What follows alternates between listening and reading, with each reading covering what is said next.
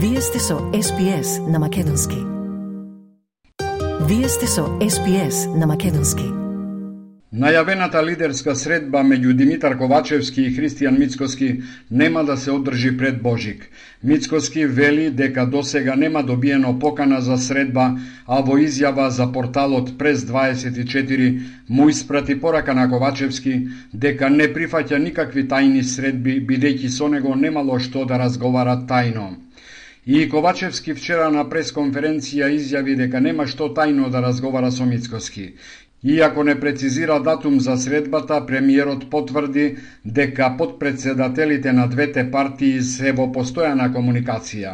Па ја не гледам дека има потреба да имаме тајни средби, така да кога ќе имаме средба, таа ќе биде средба која што ќе се случи во јавен простор, дали во клуб на пратеници, дали во собрание, дали на улица Македонија, се едно во некој кафич. Тоа ќе видиме, кој ќе договориме, ние имаме комуникација на партиско ниво, Подпредседателот ВМРО ДПМН е во редовна комуникација со заменичката председателка на СДСМ. Мицкоски вели дека по водици опозицијата ќе има целосна слика за новиот состав на техничката влада. СДСМ веќе ги има утврдено имињата на министрите во техничката влада, на која премиер ќе биде Талат Джафери. ВМРО ДПМН ги добива министерските позиции во Мавара и во труд и социјална политика, како и тројца заменици во Министерствата за финансии, за земјоделство и за информатичко обштество и администрација. Вчера на позицијата председател на судскиот совет се врати сменетата Весна Дамева. Имено Управниот суд донесе позитивна одлука по жалбата на Дамева за незиното контроверзно разрешување. Управниот суд во одлуката наведува дека судскиот совет не образложил никакви причини поради која ја разрешил од функцијата. Таа вчера на пресконференција рече: Јас не очекувам ниту од еден член на судскиот совет и не би сакала да верувам дека дали на тивок начин или гласно ќе обструираат работата на судскиот совет, бидејќи ова не е парламент да има тивок бойкот. Ова е судски совет и очекувам судскиот совет понатаму да продолжи да работи без било какви инструкции, а секое обструирање на работата на судскиот совет, секое непостапување, недоаѓање на седници, се има пропишана законска процедура и понатаму ќе се санкционира. По пресудата судскиот совет нема право на жалба и треба да постапи во рок од 30 дена. Веднаш по разрешувањето на Дамева се појавија шпекулации дека држењето во фиока на пресудата за Сашо Мијалков од страна на судијата од Скопската апелација Енвер Беджети е веројатната причина за скандалозните случувања во судскиот совет кои кулминираа со незаконската смена на председателката Весна Дамева.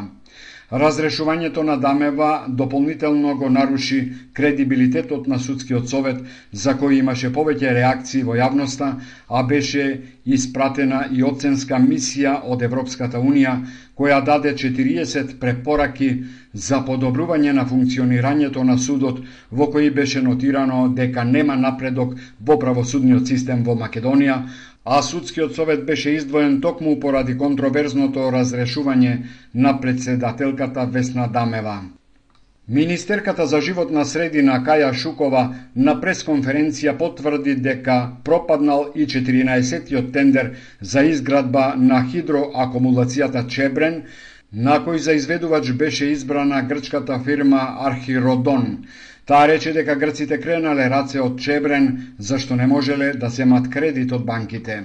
Компанијата со овие услови не можеше да обезбеди заеми од банките, бидејќи станува збор за голема финансиска конструкција, знаете, околу милиарда евра. За жал, мораме да констатираме дека и 14-тиот тендер за, за Чебрен пропадна. Шукова рече дека државата изгубила со пропаѓањето на тендерот. Банкарската гаранција во корист на нашата држава во висина од милион и пол евра истече на 31 декември и не е активирана.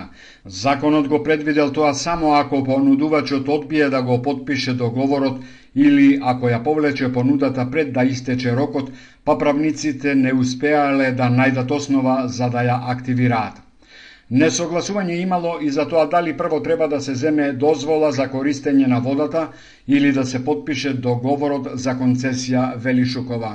Откако ќе се формираше заедничката компанија, помеѓу понудувачот и помеѓу ЕСМ, ке требаше да се подготва документација, да пристапат кон Министерството да добијат дозвола за води. Ниједна концесија не може да биде активна без дозвола за води. Министерката предпоставува дека може би пресудно за грчката фирма бил и притисокот од јавноста. Сите сме сведоци дека голем дел од експертската јавност, не голем дел, дел од експертската јавност сметаше дека не треба да одиме со со концесионер, него да си да го градиме сами. Може би и она што се случуваше во јавност едноставно ја обескрбри компанијата да продолжи со процесот. Шукова упати апел до енергетичарите да размислат дали да се распише нов тендер или хидроцентралата да ја градиме сами наспроти тврдењата на власта дека, иако грците барале нови услови, но владата не дозволила, ВМРО ДПМН неколку пати реагираше дека биле менувани одлуките и се создала сложена ситуација која ќе прави проблеми и во иднина. За изградба на хидроенергетскиот капацитет на Црна река Чебрен се зборува од 60-тите години, а со се последниот пропаднати се вкупно 14 тендери за 20 години. Граѓаните со часови чекаат во огромни редови за да извадат лични документи на кои треба да стои новото име на државата. Има и такви што доаѓаат во 3.30 часот наутро за да фатат ред. Нередко се случува да колабира некој што чека, граѓаните губат огромно време од работниот ден. На пунктот во Скопската четврт пролет, граѓаните за медиумите вчера рекоа. Позади влегуват, од позади влегуват, сите. Од 5 сат чекаме, децата се го јасал дома. Пет и пол смени е пет. Ама ова е хаос овде кај што се дешава. Ама не ми е началникот Чичко да ме пушти и мене преку ред. Го молев дека сум со операција да ме пушти, неќе да ме... Тоа, ова е најголема глупост што е од наша страна од Македонија. Прво сме, прво е наша грешка што што доаѓаме сите да ги менјаме личните карти и документите. Ова е тужност на на Република Македонија да го смени ама сега е Северна Македонија и нас македонците не, не подгазуваат.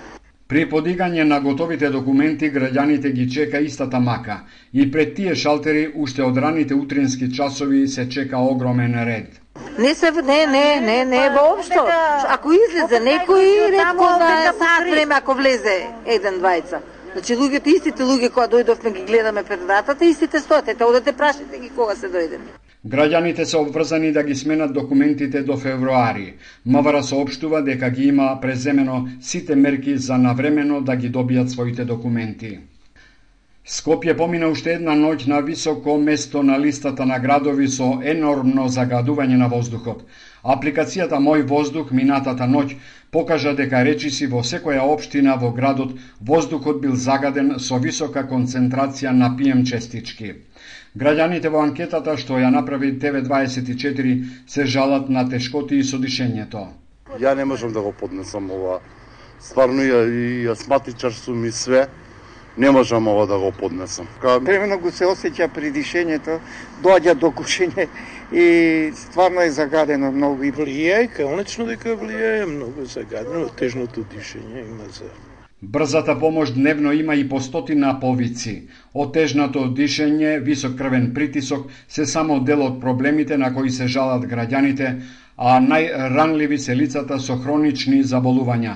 Доктор Ѓорѓи Карамановски од службата за итна медицинска помош Скопје вели се горат разли отпадни материи кои што не се прочистуваат, ожаци нема, така да за жал пациентите не многу страдаат. Значи страдаат претежно хронични болни, тие што имаат проблеми со дишни патишта, тоа се астматичари, тие што имаат проблеми со хронична обструктивна белодробна болест, што имаат емфиземи или сосема нормално тие што имаат запалење на бели дробови, бидејќи е сега период на вируси. Висока загаденост на воздухот вчера имаше и во Струмица, Берово, Кочани и Велес.